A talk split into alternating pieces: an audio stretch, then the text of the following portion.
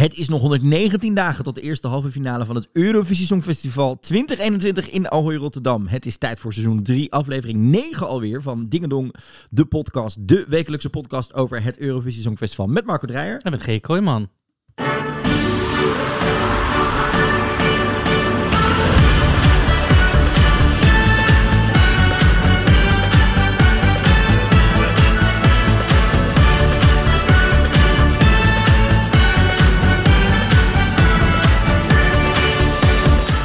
Ja, we zijn er weer en het nationale Songfestivalseizoen is officieel geopend afgelopen week. We hebben genoeg nieuwtjes te bespreken over het Songfestival deze week, want er is genoeg gebeurd en dat hoor je elke week hier bij Dingedong, jouw podcast over het Eurovisie Songfestival.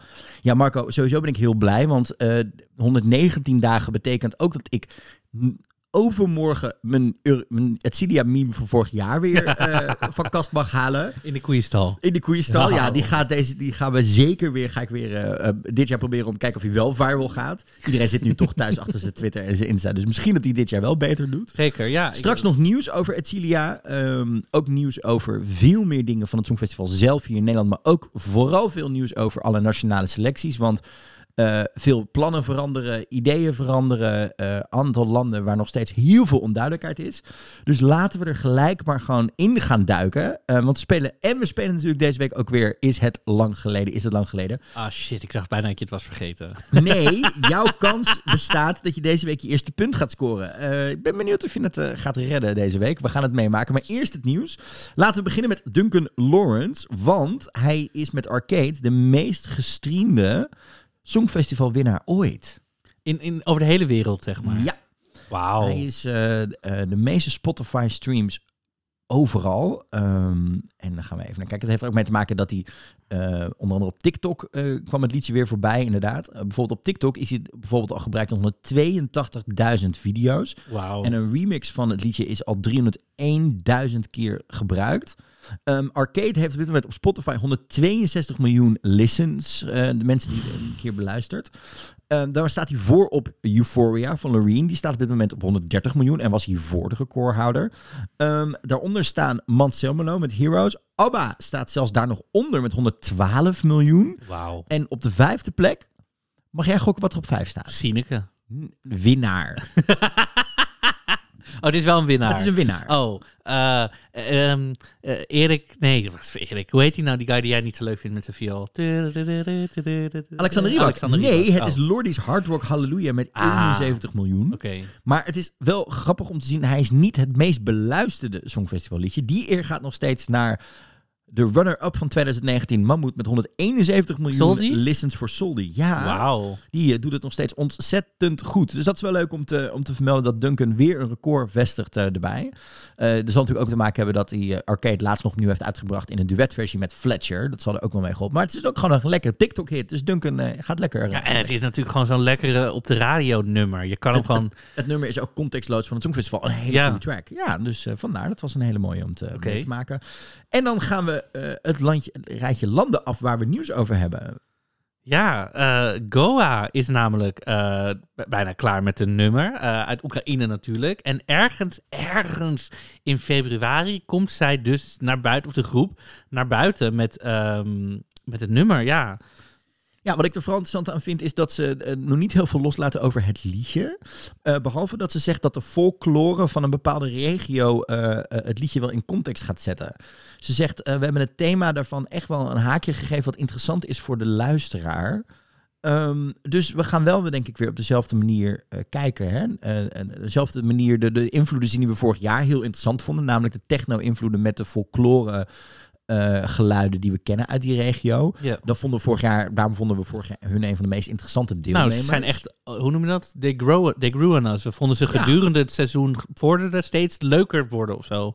Ja, en ook wel heel leuk om te zien is dat ze, um, uh, dat ze zegt, wij zien het Songfestival niet als een, ja, dat als, vind een, ik leuk. als een competitie. Maar gewoon meer als een kans om samen met andere makers bekend te worden onder een heel groot publiek. Je hoeft Ja. het niet per se te winnen. Ja, en zij zegt ook dat ze inderdaad IJsland en Zwitserland uh, heel erg tof vindt als andere deelnemers, Mhm. maar dat ze elkaar niet als rivalen zien. Ja, precies. Dus ja, ik ben uh, heel erg benieuwd wat zij gaan doen. En ze zijn er ook natuurlijk heel erg voor dat ze in het Oekraïens, Oekraïens blijven zingen. Ja. Omdat ze dat heel belangrijk vinden om die cultuur eh, te, te blijven waarborgen. En dat vind ik wel een hele belangrijke in die, in die zin. Ja, goed. Dus ik, ik ben heel benieuwd naar wat ze komen. Ik, eh, ja, ik, laten we gaan afwachten, toch? Ja, zeker. En daarna eh, Roemenië. Ja, mijn favoriet van vorig jaar gewoon. Roxanne. Roxen komt, eh, heeft een, zegt, I believe I found the perfect song for Eurovision. Maar verder laten we er eigenlijk nog niet veel over, over, over vrij. Ehm, het doet ze via de Instagram stories. Eh, nou ehm, en, ze, en ze zegt dus ook dat ze de laatste ti- tijd niet eh, heel erg actief is geweest op social media. Juist omdat ze ook zo gefocust was op het vinden van, van dat nummer. En ik, ja, het staat, ik, nog steeds staat dit bovenaan in mijn afspeellijst. Ik luister dit nummer nog steeds, Alcohol You, zoveel. Ja, en ik vind het vooral heel grappig dat je nu ziet dat een aantal eh, artiesten van vorig jaar eh, vooral dit soort nieuwtjes posten. Hè, van we zijn ermee bezig, het komt later, omdat je toch merkt dat de buzz rond Songfestival begint groter te worden. Dus steken ze allemaal digitaal even een handje omhoog van hoi, ik ben er, kom binnenkort met meer, maar Ja. vergeet me niet. Dat is wel een interessante trend die we zien in dat eh, ding. Eh, iemand die dat ook doet, dan wel indirect, is Blas Canto. Ook een van jouw favorieten eh, van Spanje natuurlijk. Dat krijgen we namelijk te horen via Manel Navarro. Hij deed in 2017 mee voor het Songfestival. En hij heeft in een interview aangegeven dat hij weet dat Blas een favoriet heeft in het liedje, in het liedjeselectieproces. Oké. Ehm, en hij zegt van ja, ik weet dat hij vier liedjes heeft klaargezet. Mhm. En hij zegt, ik weet dat er eentje favoriet is en dat zij dat ook al weten. En dat het veel, nog veel beter is dan Universo. Dat is niet zo moeilijk. Nee, maar dit, dit, dit, dit levert, wel gelijk ook weer vragen op van heel veel Spaanse fans. Van joh, krijgen we nou nog een nationale finale of niet? Wat zijn nou de plannen? De, de Spanjaarden zijn natuurlijk ontzettend engaged altijd als het gaat om eh Songfestival. We willen natuurlijk heel graag ook weer een keer winnen. Dus die Spanjaarden hebben zoiets van, eh, leuk dat dit nu via via lekt. Maar eh, kom op eens omroep, RTVE. Wat gaan we doen? Wat zijn de plannen? Wanneer kunnen we gaan stemmen? Wat is nou het plan? Want die willen natuurlijk zorgen dat ze met Blas een ontzettend goede indruk gaan maken in Rotterdam. Ja. Dus eh, wederom vaag afvragen. Wat wel nog interessant nieuws was wat uit Spanje kwam, is eh, Spanje is natuurlijk, eh, hebben ze natuurlijk ook een officieel, zijn natuurlijk een publieke omroep, hè? Dat moet. Dus moet je ook op een gegeven moment je begrotingen en budgetten van het afgelopen jaar bekendmaken. Daar lieten ze ons weten bijvoorbeeld dat ze 46.000 euro hebben uitgegeven aan het Junior Songfestival afgelopen jaar. Ehm, hè, dus dat is best wel een flink bedrag. En dat is namelijk ook nog veel meer dan dat normaal is. Even interessant is dat dus bijvoorbeeld ze daar 60.000 euro minder aan kwijt zijn geraakt dan het jaar daarvoor. En dat heeft ook te maken met het reizen, delegaties, dat soort dingen, voorbereidingen. Ehm, maar het kostte dus eh, ongeveer 14.000 euro om die performance helemaal neer te zetten. Dan heb je dus een idee wat een, songfestival, een junior songfestival performance kost. Ehm, nou, gaan we ook nog. Ik werd er ook bekend wat origineel het budget zou zijn voor het Songfestival 2020 voor Blas Canto, voor Universo. Dat zou bijna 700.000 euro zijn geweest. Uiteindelijk hebben ze daar maar 34.000 euro van uitgegeven eh, voor Blas, voor Universo. Ehm, eh, het grootste onderdeel wat daarvan zou zijn, zijn de uitzendrechten van het Songfestival. Dat kost bijna 300.000 euro. Die zijn ze natuurlijk hebben ze niet meer nodig gehad. Mhm. Ehm, dan hebben ze ongeveer 73.000 euro dachten ze nodig te hebben voor artistic resources. En bijna 50.000 euro voor eh, kleding en eh, attributen voor tijdens het optreden. Maar dat kan toch ook gewoon veel minder? Dan doe je toch gewoon Blos Kanto veel minder aan en dan heb je niet die kosten. Ja, I'm just saying. I'm just, ja, I'm just saying. Uiteindelijk wel interessant is ook dat ze uiteindelijk wel nog 30.000 euro ook nog hebben uitgegeven aan Europe Shine a Light. Ehm, waar vooral heel veel aan technische resources en eh, technische kosten en personeel uitgaan is voor 23.000 euro. 2000 euro aan graphics en dan nog 2500 euro aan artistic resources. Dat betekent dus dat ze eh, tien keer zo weinig hebben uitgegeven als dat ze in eerste instantie begroot hadden. Maar dan heb je dus een idee dat Wat- het dus 700.000 euro kost voor een grote omroep als Spanje, of groot land als Ja. Spanje, om mee te doen aan het Songfestival, wat de originele begroting is. Dus dat uiteindelijk, dat wij ook snappen, hè, waar we het eerder wel eens over gehad hebben, dat het niet voor elk land even makkelijk is Nee. om dit in je begroting op te nemen en mee te doen. Ja. En dat we Vind daar dus- zelf shocking wat voor af en toe baggers zij sturen dan als het zoveel geld kost. Ja, Maar ja, luister, eh, ook, ook die uren zijn duur, hè? Dat, dat soort mensen zijn moeten ook betaald worden. Dus dat vond ik wel interessant. Het is een interessant kijkje. En eh, misschien moeten we er ook maar eens induiken wat het in Nederland is. Eh, vond ik wel een goede interessante om te zien. Nou, waar het ook minder geld, nou niet minder geld gaat kosten, maar minder tijd gaat kosten, is Israël. Die ze hebben wederom een, hè, een twist in het... We gaan nog langer opnemen. Nee, nee, nee. Ze gaan juist korter opnemen. Dit heeft te maken met de regels rondom corona en een verscherpte lockdown in Israël. De nationale finale en de jurystemmen zijn daar wederom gecanceld. En er zal alleen een online eh, stemming zijn die nu bezig is. En een kleine uitzending eh, zal er nog op de omroep kan plaats gaan vinden. Maar het zal niet een groot ehm, evenement worden vanuit de studio. Omdat dat gewoon technisch gezien eh, niet meer mag eh, qua opnames in Israël nu. Wel heeft Ian Aline de drie clips online gezet voor de drie nummers. Er kan dus nu nog gestemd worden. En volgens mij mogen we vanuit het buitenland ook meestemmen. Dus kunnen wij ook nog even onze stem laten horen. Onze favoriet was natuurlijk Oelala van de drie. Dus, eh, maar ja, dat was... Mildly favorite. Maar ja, het was niet zo goed als vorig jaar. Laten we het daar nog Mild enthousiast, ja. even over houden. Waar ik wel enthousiast over was, was Noorwegen. Nou, eh, gaat het niet alleen om het feit, ik heb, dat zei je vorige keer al, ik heb een voorliefde voor de eh, Scandinavische Mhm. selecties af en toe. Maar Melodie Grand Prix begon afgelopen zaterdag. En ik moet je zeggen, ik begon te kijken. Vijf voor acht begon het. En je hebt toch wel zoiets van, oh, we gaan weer naar selecties kijken. We Mhm. gaan weer wat leuks doen. Ja, Eh, vorige week hebben we die nummers een beetje zitten beluisteren. Hè? Onze favoriet bleek toch uiteindelijk wel Blaas Mafian te zijn van die Mhm. vier. Nou moet ik zeggen, toen ik het live allemaal zag, dat Betty Bell qua staging en qua live performance er bij mij nog eigenlijk wel bovenuit stak van die vier. Ook omdat Blaas Mafian is natuurlijk heel erg tof, maar er zit heel veel blaasinstrumenten in en veel minder zang. Uiteindelijk eh, won Blazen Mafian de eerste voorronde. Maar kregen we ook natuurlijk de publieksfavoriet onder alle Songfestival-fans, Kaino, te zien met Monument. Het nummer kwam op vrijdag uit op Spotify. Ja. Ik heb het grijs gedraaid. Ik heb het misschien ook al eh, wel gedacht, dit zou het Songfestival wel eens kunnen winnen. En toen zag ik zaterdag zag ik het met de styling, de staging en de hoge noot van Alexandra erin. Ik was om, ik was fan, ik was alles. Ten eerste die styling, vooral van Tom Hugo, de blonde zanger, was perfect. Het was een soort grijs, Koreaans geïnspireerd maatpak. Een boxfit had, wat heet dat. Zeg Ja. Zo'n iets korter model, maar dat iets breder ja, valt. en, en een soort maar. Een halve ro- mannenrok, Ja. kilt zat erop, eh, met een soort donkerblauwe te- een, stof eronder. Het was heel strak, het was heel stoer. Het kwam heel goed over. Ja, Thunder and Gloria begint al een soort van de catchphrase van dit seizoen te worden van heel veel Songfestival fans. Ja, ik was heel erg fan van wat Kaino deed. En het leuke is ook, vond ik ook, ze zijn ook al pers aan het doen hè, deze week, is dat ze ook heel erg eh luisteren naar de feedback die fans vanuit heel het Songfestival eh, eh, ja, wereld hebben op de performance, wat er anders zou kunnen, wat er beter kan doen. En ze zeggen dus ook, wij gaan zeker nog aanpassingen maken voor de finale van Melodie Grand Prix. Dus dat is heel erg tof. En ook goed om te weten is dat bij Melodie Grand Prix zijn natuurlijk ook halve finalisten eh, die tweede zijn geworden. Mhm. Die komen allemaal normaal in een wildcard nog langs voor één plekje in de finale. Normaal is dat on, eh, zit dat online ergens tussen gewurmd. Nu wordt het ook echt een uitzending, is vandaag Oké, bekendgemaakt. Een extra uitzending die ze gaan doen. Dus eh, je merkt wel dat het, de Noren zeker zin hebben in een goed Songfestivalfeestje. En ze hebben dus gezegd dat ze vier liedjes hebben Mhm. Die het wel zouden kunnen winnen. Wauw. En we hebben geluisterd naar de nummers van deze week. Ja, het was niet heel boeiend.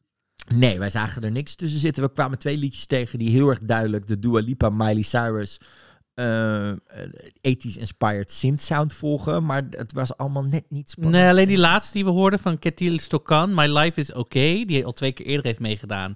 En in 1990 de infamous laatste plek won op het Songfestival. Ehm, hij heeft dus 31 jaar al niet meegedaan. Hij komt nu terug met een nummer My Life is Okay. Waarover, gezellig. waarover die trouwens zegt, ik wilde eigenlijk niet meedoen. Maar ja, er is nergens anders waar je kan optreden. Nou ja, dan maar het Songfestival. Nou ja, hij is uiteindelijk wel gekozen Ik uit... hou wel van die eerlijkheid. Tuurlijk. En het was een, eh, nou ja, een oké liedje. Dus we, we zullen zien eh, of dat inderdaad, eh, of, of, of, of ervoor gestemd wordt. Nou ja, we gaan het meemaken. Maar ik, ik wil nog wel even zeggen over Kaino. Ik denk gewoon heel erg dat zij dus twee jaar geleden hebben zij meegedaan. En dat hebben ze gewoon meegedaan zoals iedereen. Van ik wil wel winnen, maar goed. Toen hebben ze gewoon, ze hebben gewoon de winst geroken. Zij zijn gewoon terug om te winnen. Zij zijn is echt terug om te geen winnen. Of het ander liedje, of het liedje eh, ik krijg wel te horen dat het misschien iets te strak is. Dat het, te- dat het iets minder slager en dus iets minder gezellig is. En dat dus de vraag is, ehm, hè, gaat het het publiek net zo pakken. Maar jij vertelde me van de week dat jouw moeder gelijk weer helemaal enthousiast werd. Ja, joh, mijn moeder zei meteen: Is dat die eh, jodelman uit Finland? Nou, ik zei: Mam, ja, twee landen naar links, maar inderdaad, het is die. Dus het is wel eh, enthousiast, ja, zijn mensen daar weer over. En ze En hebben de gunfactor, omdat ze ook Mhm. ontzettend leuke persoonlijkheden hebben. Miscongeniality, dat is een beetje wat hier gaande is. Ja, ik heb ze natuurlijk ook backstage meegemaakt bij het Groot Songfestival. En het zijn oprecht ook hele leuke mensen die heel erg veel met hun eh, fanbase doen. Ik moet ook eerlijk zeggen, als je zit te luisteren... eh, en trouwens, tipje, check ook even hun videoclip van vorig jaar van Black Leather. Dan zie je dat ze echt een hele toffe, progressieve popband zijn... die ook hun queerness heel erg uitstralen. Eh, en ik, ja, ik word heel blij van hun. En ik denk zeker dat zij, als zij worden gekozen... dan gaan ze zeker een grote slag maken op het Songfestival dit jaar, hoor. Ik ben, eh, ik ben gewoon heel enthousiast. Ik wil, ik, ik wil eigenlijk ook gewoon, eh, hoe goed die andere nummers ook zijn, wil ik eigenlijk gewoon zien hoe hun het nu doen. Ik, eh, ik denk ook dat, zeker dat zij... eh, ik, ik, Ik denk wel dat, meer mensen, ik denk ook wel dat meer mensen dat zo van hun hebben de vorige keer ook goed gedaan. Hoe stom zijn was ze ze niet sturen. Ja, daarom. We gaan het meemaken. Ja, goed. Nou ja, en dan gaan we daarna door naar Litouwen. Ja, want die begonnen zaterdag ook hè, met hun eh, nationale voorrondes. Ja, goed, het land waar we natuurlijk eh, de Roop vandaan komt. Ja, zij, Eh, de Roop is automatisch door naar de finale van hun nationale selectie. eh, ja, de Roop is, is inderdaad door wat je zegt, gelijk naar de finale. Maar nu hebben we, we hebben net vijf, even voor de uitzending, hebben we even vijf liedjes Ja, want dat zijn de vijf die door zijn naar de finale. Mm, ja, die hebben we even zitten kijken. maar we waren niet heel enthousiast. Nee, er zat nog niet. Het, het, we, verbaasden ons vooral bij één of twee liedjes over de Engelse intonatie van bepaalde. we kwamen halverwege achter dat het Engels was. Ja, eh, wederom heel veel ethisch inspired liedjes. Hè? Ik denk dat we heel erg eh, gaan zien dat, dat de invloeden van het afgelopen jaar qua disco en qua ethisch eh stijl, syn- synthesizers wel echt een, een, een, een doorslag gaan hebben op wat we gaan zien bij het Songfestival. Ja, dus wij vonden het allemaal... eh, maar, er was eentje waarvan we dachten, nou, van Be You, dat nummer heet Love Yourself, waar we nog dachten, oké, nou, dit is misschien, maar... Ja, en ook omdat er zaten, het waren wel veel verschillende melodietjes tegelijkertijd, maar we hadden wel met z'n tweeën iets, als je dit nog een beetje aanpast en ook de stage presence misschien iets dynamischer maakt, dan zit daar nog wel een, Ja. iets in. Maar we hebben nog geen geduchte concurrent voor de Roop gezien. Nee, degene die eh, doorging, dat, die, dat waren die wat oudere van mannen, zeg maar, dat bandje. Die hadden van de, de meeste punten gekregen, maar dat vonden wij echt... eh, Ik vond het bloed en bloed saai. Ik had er echt helemaal niks maar mee. goed, dus nog niks spannends uit, eh, Liet, of, eh, uit, ja, uit Litouwen. Nee, eh, Finland trouwens wel. Eh, vorige week hadden we het erover dat er heel veel roddels gingen over wie er nou mee gingen doen. We hoorden onder andere Alma, Nightwish. Nou, dat was het allemaal niet. De enige die we goed hadden was Axel. Nadat hij natuurlijk vorig jaar in zijn pyjama eh, vanuit zijn huiskamer met zijn ouders zei... ik doe niet mee volgend jaar. Heeft dat jongen Ik doe niet meer mee. heeft hij toch een nummer ingestuurd. Ehm, de andere die meedoen onder andere is Est... Est, Estse, oh, ik vind dat zo kut. Estse popster. Estlandse, wat is het dan, Marco? Est, Estse, Est- Est- Estlandse. Estlandse, Estlandse popster eh, Laura doet ook weer mee. De Teflon Brothers met Pandora doen mee. Ehm, Pandora heeft ook wel meegedaan in melodiefestivalen voor Zweden en zat ook in eh, de Masked Singer in Finland. Danny doet mee. Eh, die kerel heeft echt al zo vaak meegedaan eh, met de nationale finale. Zes keer zelfs. Hij werd daar in tweede in 1966. Dus deze kerel doet echt wel heel lang mee. Wil je de, de titel van dat nummer even opnoemen, alsjeblieft, voor mij? titel van dat nummer. Sinja Panviana kun kaki rakasta moi.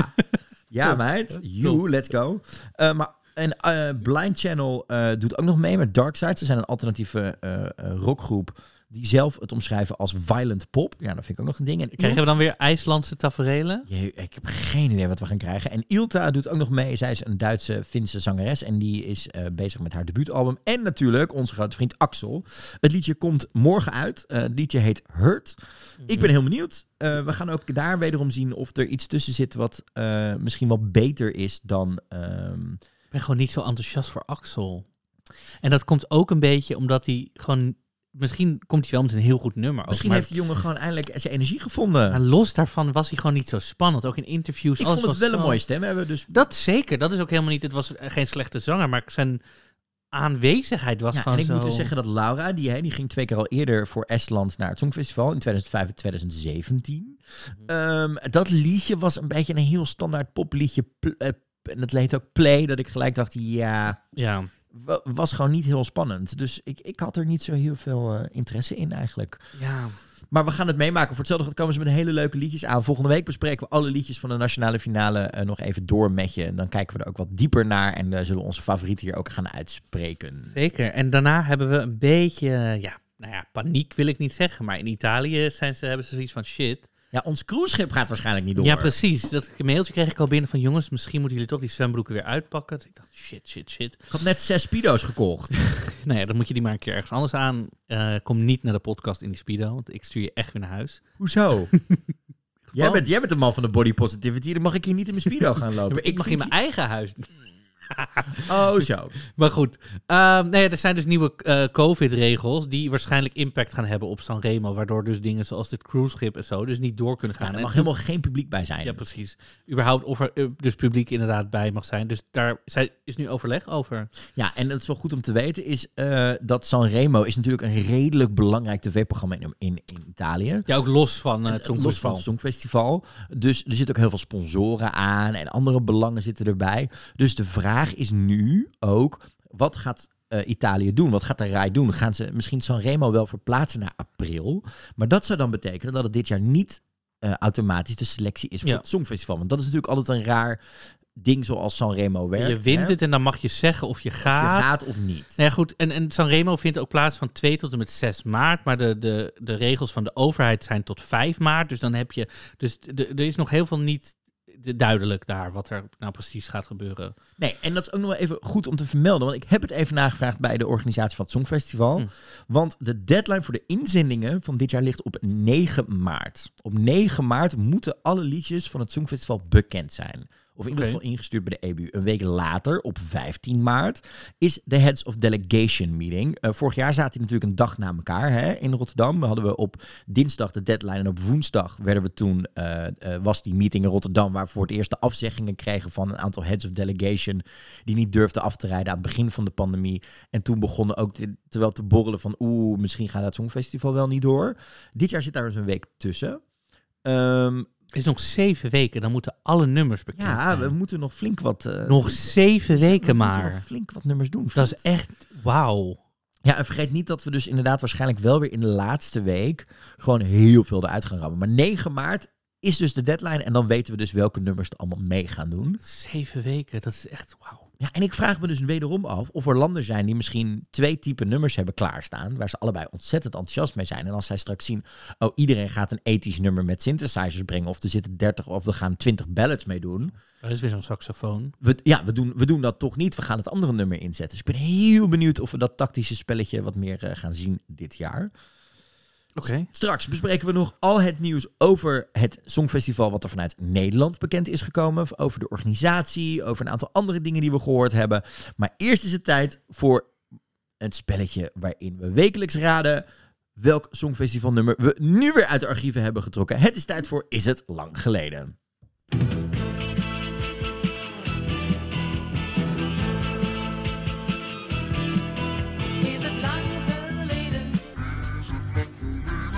Ja, Marco, deze week ben ik aan de beurt om jou een nummer voor te schotelen uit de rijke Songfestivalgeschiedenis. Om te kijken of jij aan de hand van een aantal feiten raadt welke plaat ik voor jou heb voorgeschoteld. Eh, ja? Ben je klaar voor? Sineke.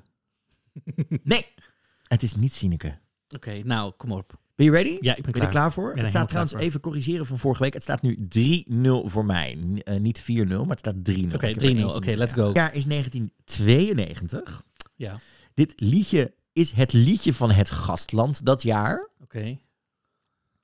Het liedje is ook geschreven en eh, uitgevoerd in de taal van het land. Ja, Wordt gezongen door een man. ja. Was een boekmaker favoriet van tevoren. Maar maakte dat echt niet helemaal waar. Want uiteindelijk werd hij één na laatste. Oké. 22ste. Ja, met 9 punten. ja. Maar deze man heeft later wel een hele belangrijke invloed gehad op het Songfestival. Oké. Even denken. Oké, dus we zijn in een 1992 zijn we in een land en dat nummer is ook in de taal van het land. Het is de, van het gastland, dat nummer. En het is laatst geworden. Waar zijn we in 1992? Ik, ehm, er is n- niet dat Hilversumjaar, toch? Nee. Nee, Ehm, het is een eh, Scandinavisch land. Ik zit even te denken wie er in 1991 heeft gewonnen. Ik, mm, is misschien Zwe- Zweden of zo? Correct. Oké, dus het is in het Zweeds. Een Zweeds nummer uit 1992, wat een succes was. Dus wat, wat ze dachten dat het heel groot ging worden, maar het werd één na laatste. Mm, ehm, Zal ik het je gewoon gaan vertellen? Want Ja, volgens mij ga je het niet raden Nee. wederom. Het is I Morgan R.R. Anadag van Christer Bjorkman. De man die natuurlijk later het Melodiefestival een gigantisch groot maakte. Maar zelf met zijn Songfestival eh aan het hit werd hij 22e met maar liefst 9 punten. Luister even mee.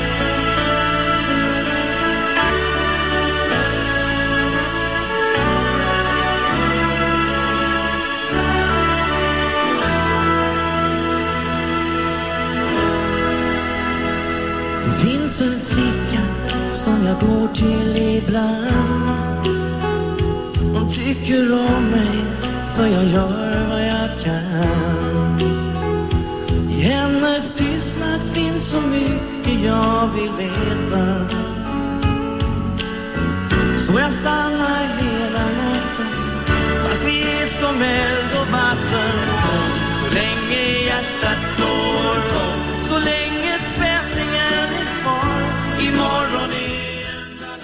als slijmendood. Dit had ik echt nog nooit in mijn leven Nee, maar we hadden het vorige week natuurlijk over Christer Bjorkman. En dat hij ook eh, het Songfestival of Melodiefestival gaat presenteren. En toen dacht ik, oh, maar dat is een leuk om deze week mee te nemen. Eh, ook omdat het, ik mezelf af en toe uitdaag om niet in de afgelopen twintig jaar li- eh, liedjes uit te zoeken voor dit spelletje. Dus vandaar dat ik dacht, nou, dit is misschien wel een hele leuk om deze week even naar te gaan kijken. Maar het blijft 3-0 voor c'est moi.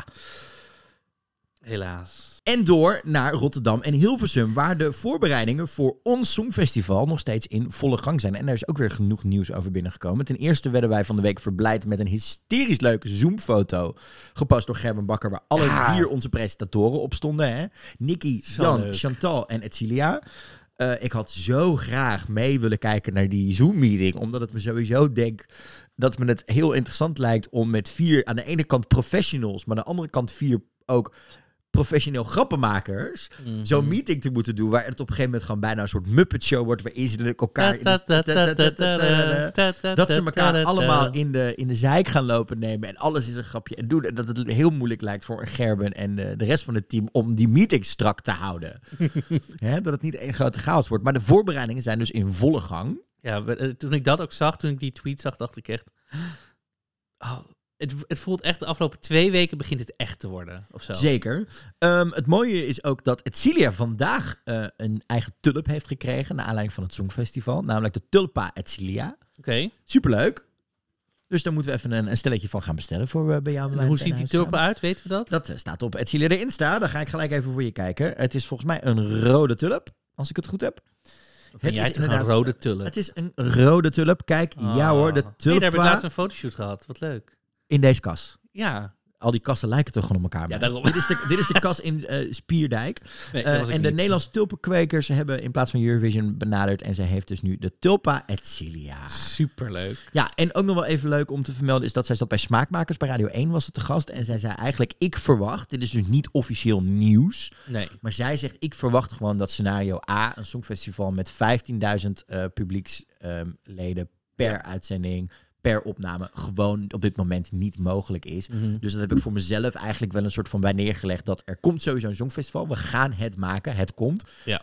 Maar ik denk dat dit gewoon realistisch is. Hè? Kijk, de, de, de officiële Ja, maar- standpunt is natuurlijk nog steeds... Ja. alles moet kunnen. We Maar kunnen als en je nu nog in je hoofd hebt dat dat officieel, dat, dat oorspronkelijke songfestival er komt met 15, nou, dan heb je echt je hoofd in een kuil zitten. Denk Dan ik. ben je denk ik inderdaad een beetje... eh, Dit is gewoon nuchterheid. Dit is gewoon, ik, ja. Ja, natuurlijk hebben we wel eh Sietse de afgelopen weken eh, nog een aantal keer gehoord inderdaad. Hè? Ehm, hij zegt inderdaad, weet je, we houden alle opties open. Ehm, en eh, ja, ze hebben zoiets van, ja, weet je, we zijn met vier dingen bezig.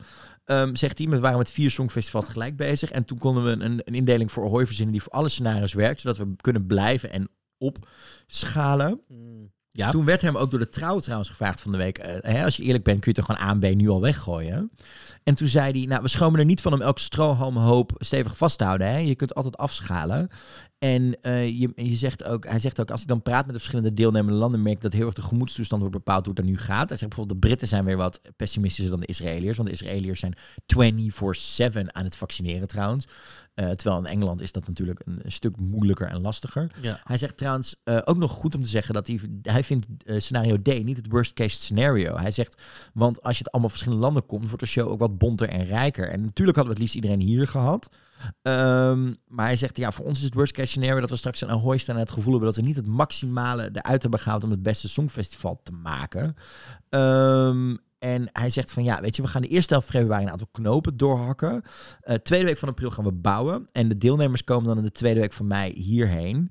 Eh, hij zegt de stemming zit er goed in en creativiteit zijn we eh, ontzettend veel mee bezig. Ehm, en hij zegt we kunnen nog steeds af en opschalen wanneer we willen. Ehm, dus de hoop zit er nog steeds in bij Sietse. Eh, trouwens ook heel leuk om te vermelden. Sietse heeft een nieuwe profielfoto op Twitter. Oh, wat- Kom ik van de week even achter. Ehm, dus dat is wel een hele belangrijke om mee te maken. Dat ze, hè, de, ze houden de positiviteit erin. We horen het wel meer in februari. Wat verwacht jij in februari voor nieuws?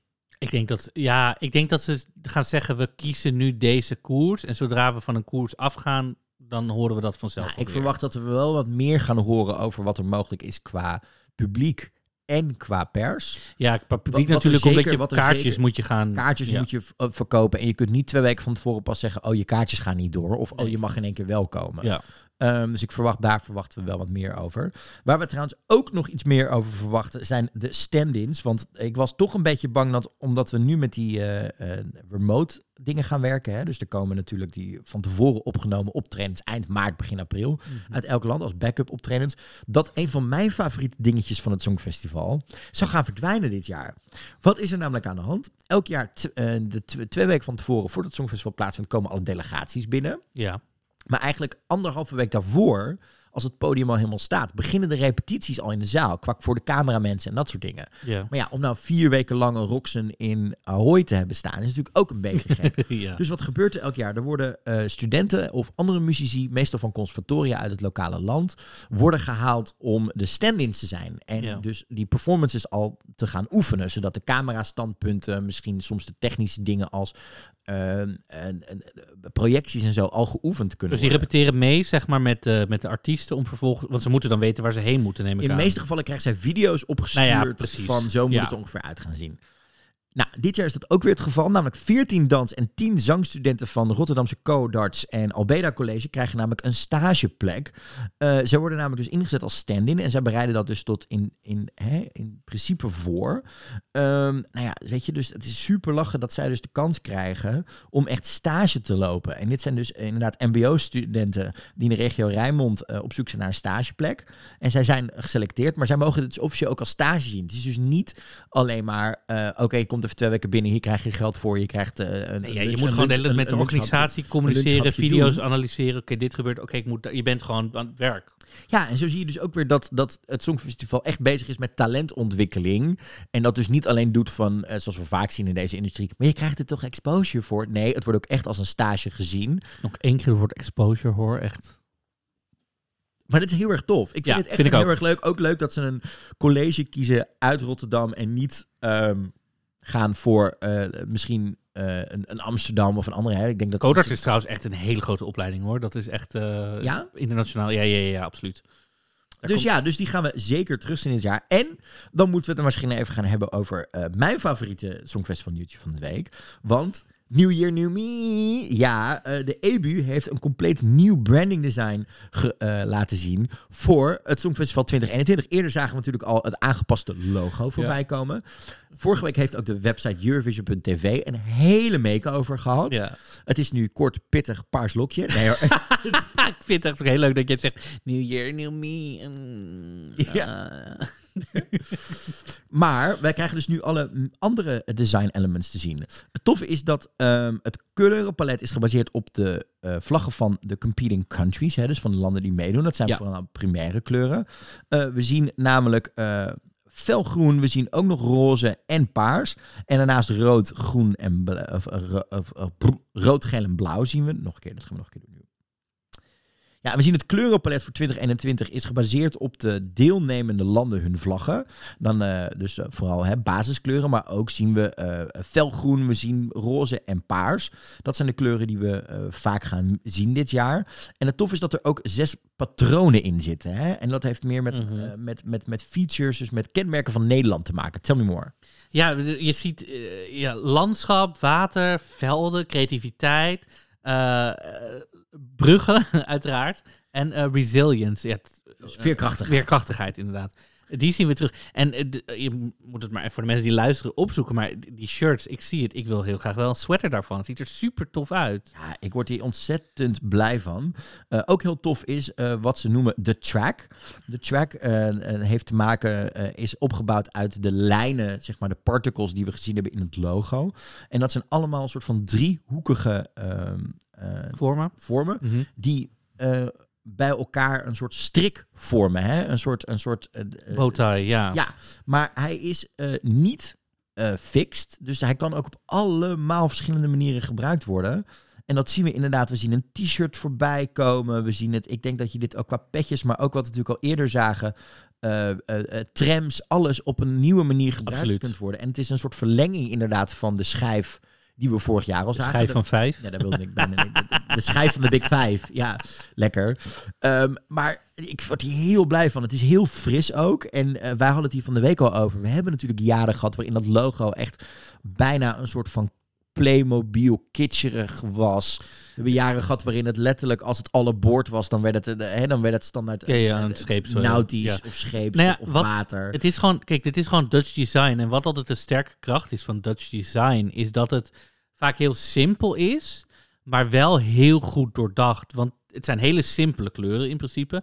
Maar omdat er zo'n goed idee achter zit, plus met die motiefjes erop, maakt het het weer gewoon heel krachtig. En dat is vaak, vind ik persoonlijk, ook altijd de kracht van Dutch design. En dat zie je hier En gewoon. ik vind het ook heel terug. mooi, eh, wat ook heel goed zit bij Dutch Design en zeker ook bij het Songfestival hoort, is norm je kan ook, dat zie je ook heel vaak in, eh, gebeuren bij dit soort ontwerpen, is dat iets moois wordt bedacht en dan worden er een soort van acht bullshit redenen onder gegooid, zeg maar acht filosofieën die dat dan ondersteunen. Terwijl hier met die patronen en die, en die vlaggenkleuren en ook de dingen die bij Nederland horen, is het allemaal dat ik het lees en dat ik nergens denk, ja, dit heb je gewoon erbij verzonnen omdat je dacht, nou, we moeten het ook nog wel ergens onderbouwen, behalve dat het beeldig is. Geen windmolens. Nee, eh, ook nog heel blij mee.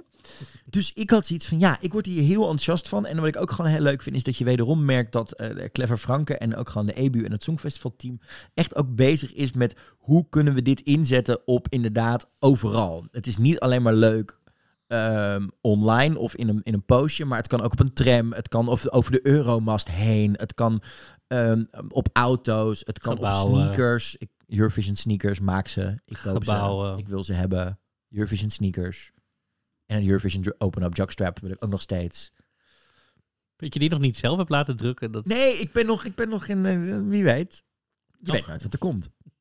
Kan. Dus, maar we, we kruipen dus langzaam hè, richting eh, eh, maart. waarin we Nou, ik vind dat je die langzaam wel ertussenuit kan halen. We gaan er nou ik, nog 119 dagen en nog 7 weken voor we alle nummers kennen. Vind ik dat het langzamer nou wel uit mag. ja, oké, we, gaan, we gaan gestaag. Ja, We gaan, gestaag. we gaan niet snel nog. Nee, nee, nee, gestaag. We, gaan, we, We gaan zitten gestaag, wel al in de... door. Ja. Ehm, dus we hebben er ontzettend zin in. Volgende week zijn wij er natuurlijk. Nee, boep, nog een keer. Dus eh, volgens mij hebben we er ontzettend zin in. En vanaf deze week ga ik jou eh, elke week aan het einde van de aflevering de prangende vraag stellen. En jij ook aan mij. Nee, ik wil niet met je trouwen. Ik ook niet met jou. maar heb jij de winnaar van het Songfestival 2021 al gehoord? Nee. NGE, heb jij de winnaar van het Songfestival al gehoord?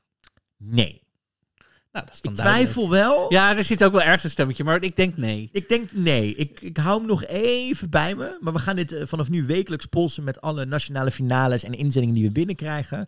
En dan kunnen we straks misschien wel, eh, als we terugkijken, zeggen: Oh, op die datum wisten we zeker dat dat, het nummer ging dat, dat, Ja, precies. Nou goed, voor nu dus eh, nog geen winnaar. Nee.